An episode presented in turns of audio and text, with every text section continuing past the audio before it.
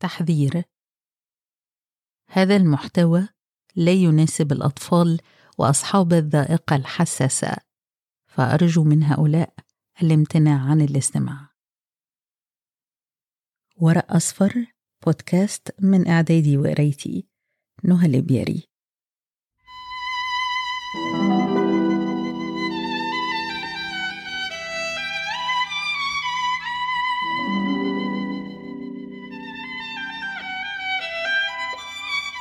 ألف ليلة وليلة. كتاب مجهول المؤلف مجهول المصدر. يعتقد أن نواته أصل فارسي عتيق مفقود وأن حكايته ألفت على مدار قرون عدة في العصور الوسيطة في عدد من المناطق أبرزها مصر والعراق. أقرأ لكم أقدم نسخة تمكنت من العثور عليها وهي نسخة مطبعة مصطفى البابي الحلبي إحدى أقدم المطابع في مصر وهي مقبلة ومصححة على أول نسخة تطبع باللغة العربية في الشرق الأوسط في مطبعة بولاق الأميرية. وسأحاول أن أقرأ لكم النسخة كما هي. احتراما منا للتراث لكني في الحقيقة أثرت عدم قراءة بعض الكلمات لشدة فجاجتها ولكن يمكنكم الاطلاع على النص كاملا في صفحة ورق أصفر. في الرابط المتاح. والآن أترككم مع الكتاب.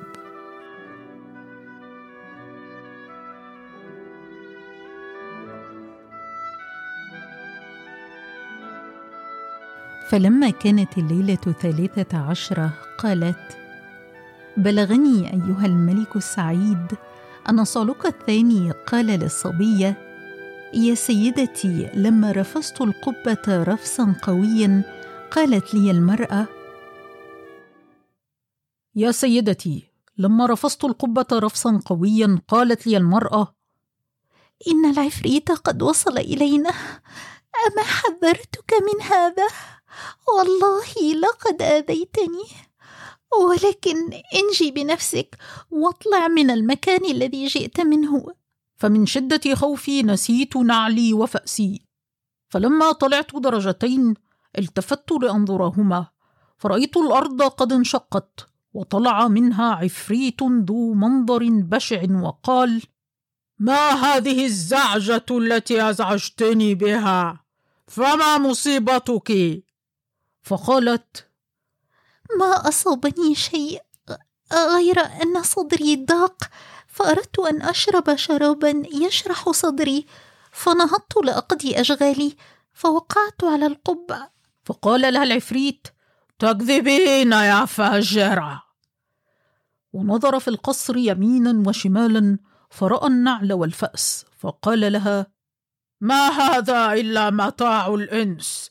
من جاء إليك؟ فقالت ما نظرتهما إلا في هذه الساعة ولعلهما تعلقا معك. فقال العفريت هذا كلام محال لا ينطلع علي يا عاهرة.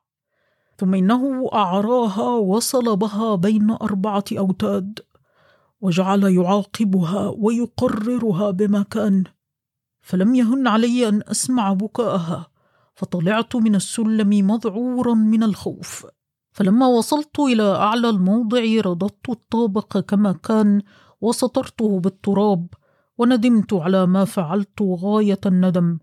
وتذكرت الصبية وحسنها وكيف يعاقبها هذا الملعون؟ وهي لها معه خمس وعشرون سنة وما عاقبها إلا بسببي. وتذكرت أبي ومملكته وكيف صرت حطابا. فقلت هذا البيت. إذا ما أتاك الدهر يوما بنكبة فيوما ترى يسرا ويوما ترى عسرا.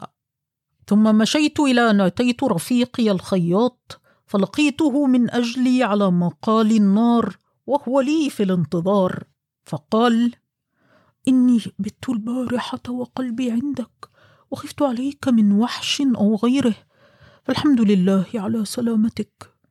فشكرته على شفقته علي ودخلت خلوتي وجعلت أتفكر فيما جرى لي وألوم نفسي على رفسي هذه القبة وإذا بصديقي الخياط دخل علي وقال لي في الدكان شخص أعجمي يطلبك ومعه فأسك ونعلك. وقد جاء بهما إلى الخياطين وقال لهم إني خرجت وقت أذان المؤذن لأجل صلاة الفجر فعثرت بهما ولم أعلم لمن هما فدلوني على صاحبهما فدله الخياطون عليك. وها هو قاعد في دكاني فاخرج إليه واشكره وخذ فأسك ونعلك. فلما سمعت هذا الكلام أصفر لوني وتغير حالي فبينما أنا كذلك وإذا بأرض محلي قد انشقت وطلع منها الأعجمي وهو العفريت وقد كان عاقب الصبية غاية العقاب فلم تقر له بشيء فأخذ الفأس والنعل وقال لها إن كنت جرجريس من ذريه إبليس فأنا أجيء بصاحب هذه الفأس والنعل.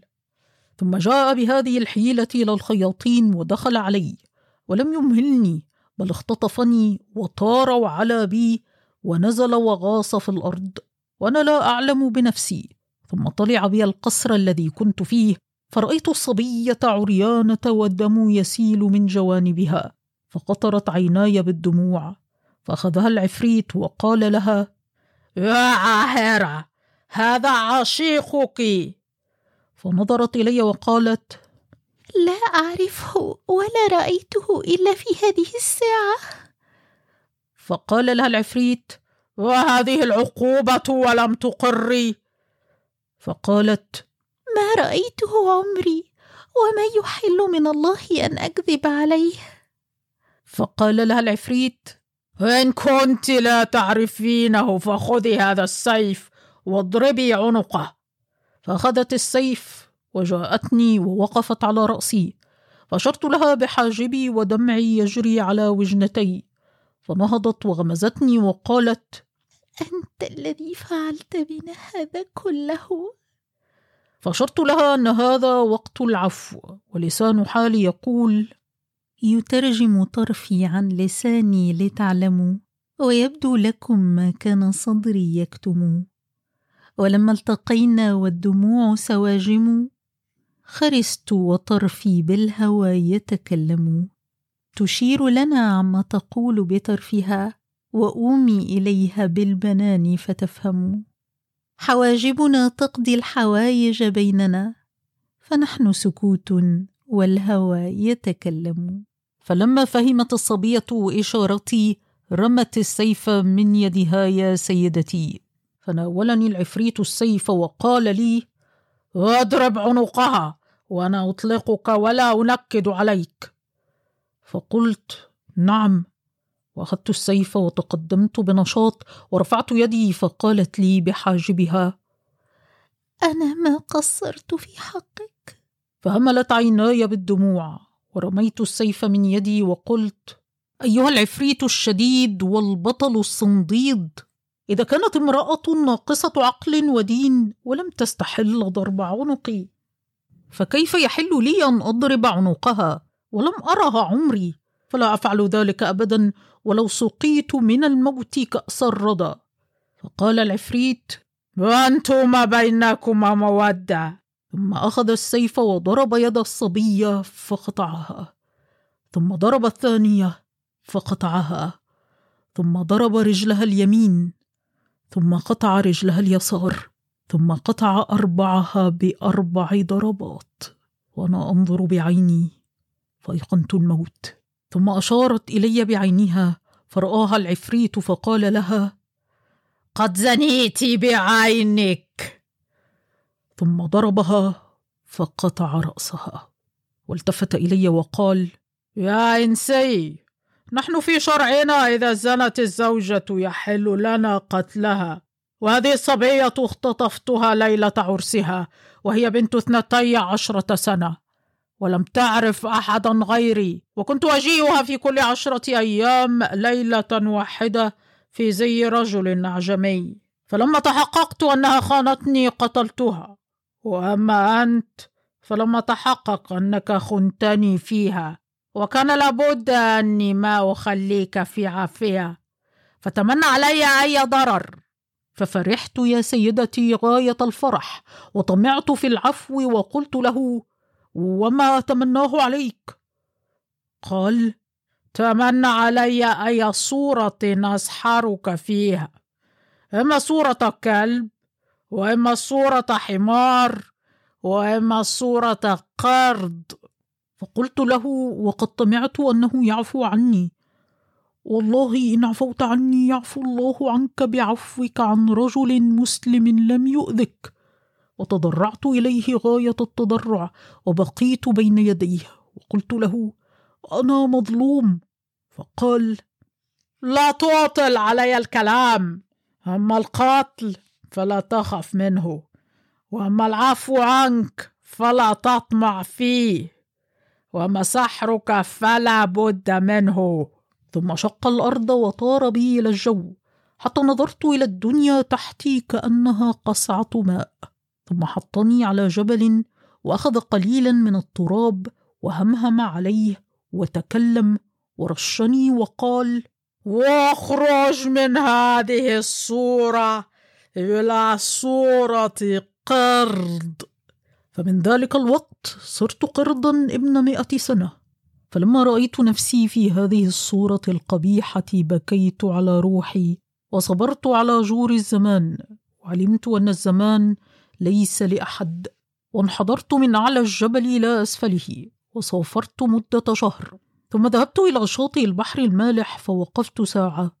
وإذا أنا بمركب في وسط البحر قد طاب ريحها وهي قاصدة البر. فاختفيت خلف صخرة على جانب البحر وصرت إلى أن أتيت وسط المركب.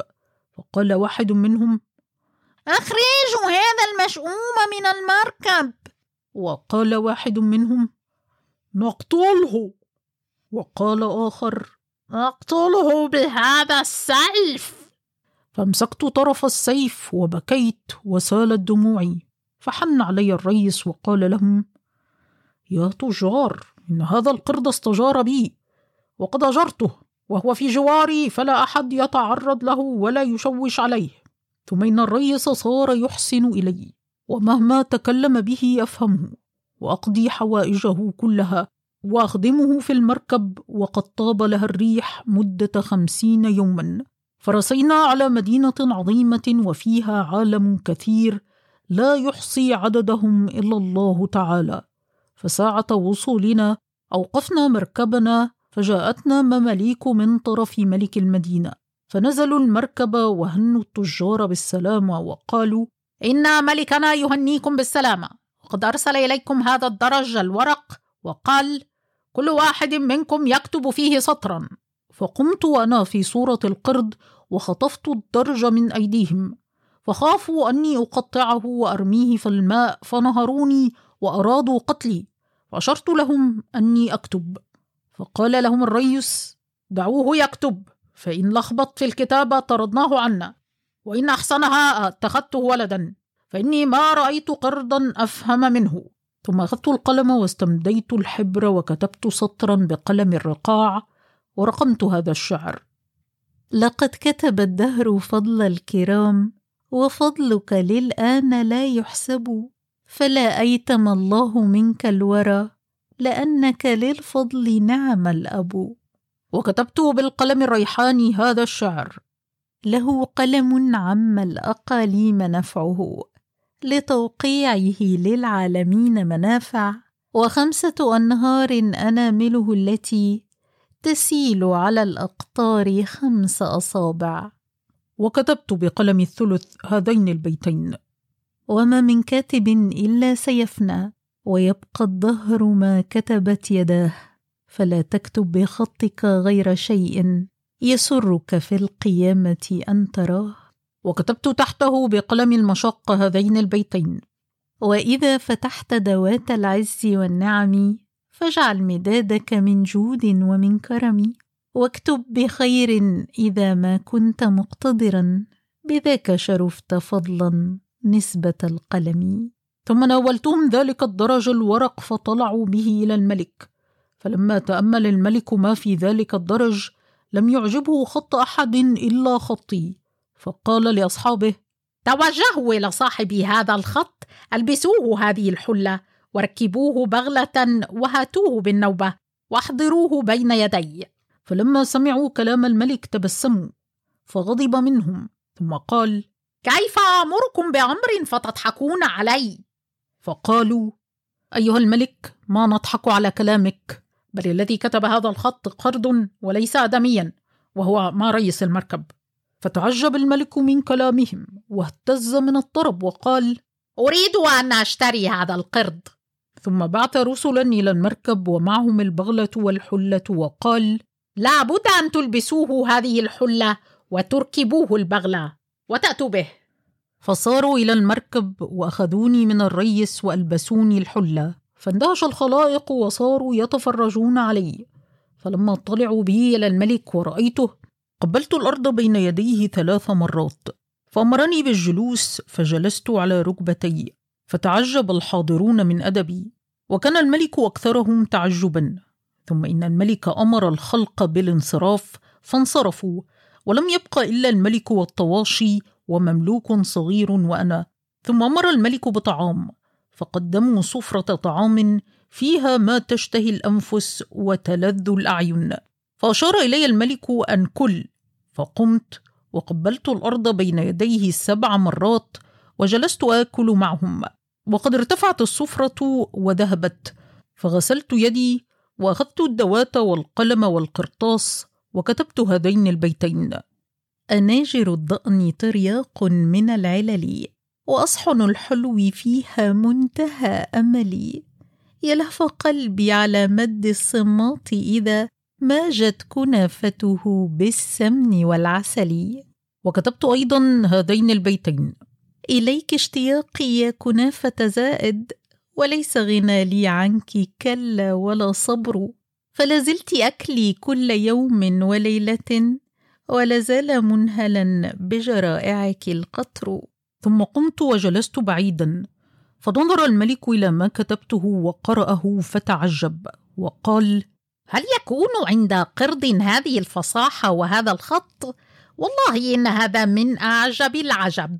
ثم قدم للملك شطرنج فقال الملك أتلعب؟ قلت برأسي نعم. فتقدمت وصففت الشطرنج ولعبت معه مرتين فغلبته. فحار عقل الملك وقال لو كان هذا ادميا لفاق أهل زمانه. ثم قال لخادمه اذهب إلى سيدتك وقل لها كلمي الملك حتى تجيء فتتفرج على هذا القرد العجيب. فذهب الطواشي وعاد ومعه سيدته بنت الملك. فلما نظرت إلي غطت وجهها وقالت يا أبي طاب على خاطرك أن ترسل إلي فيراني الرجال الأجانب. فقل يا بنتي ما عندي سوى المملوك الصغير والطواشي الذي رباك وهذا القرد وأنا أبوك فممن تغطين وجهك؟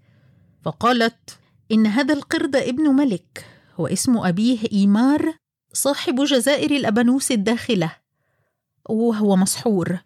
سحره العفريت جرجريس الذي هو من ذرية إبليس وقد قتل زوجته بنت ملك اقنموس وهذا الذي تزعم أنه قرد إنما هو رجل عالم عاقل. فتعجب الملك من ابنته ونظر إلي وقال أحق ما تقول عنك؟ فقلت برأسي نعم. وبكيت. فقال الملك لبنته من أين عرفت أنه مسحور؟ فقالت يا أبتي كان عندي وأنا صغيرة عجوز ماكرة ساحرة.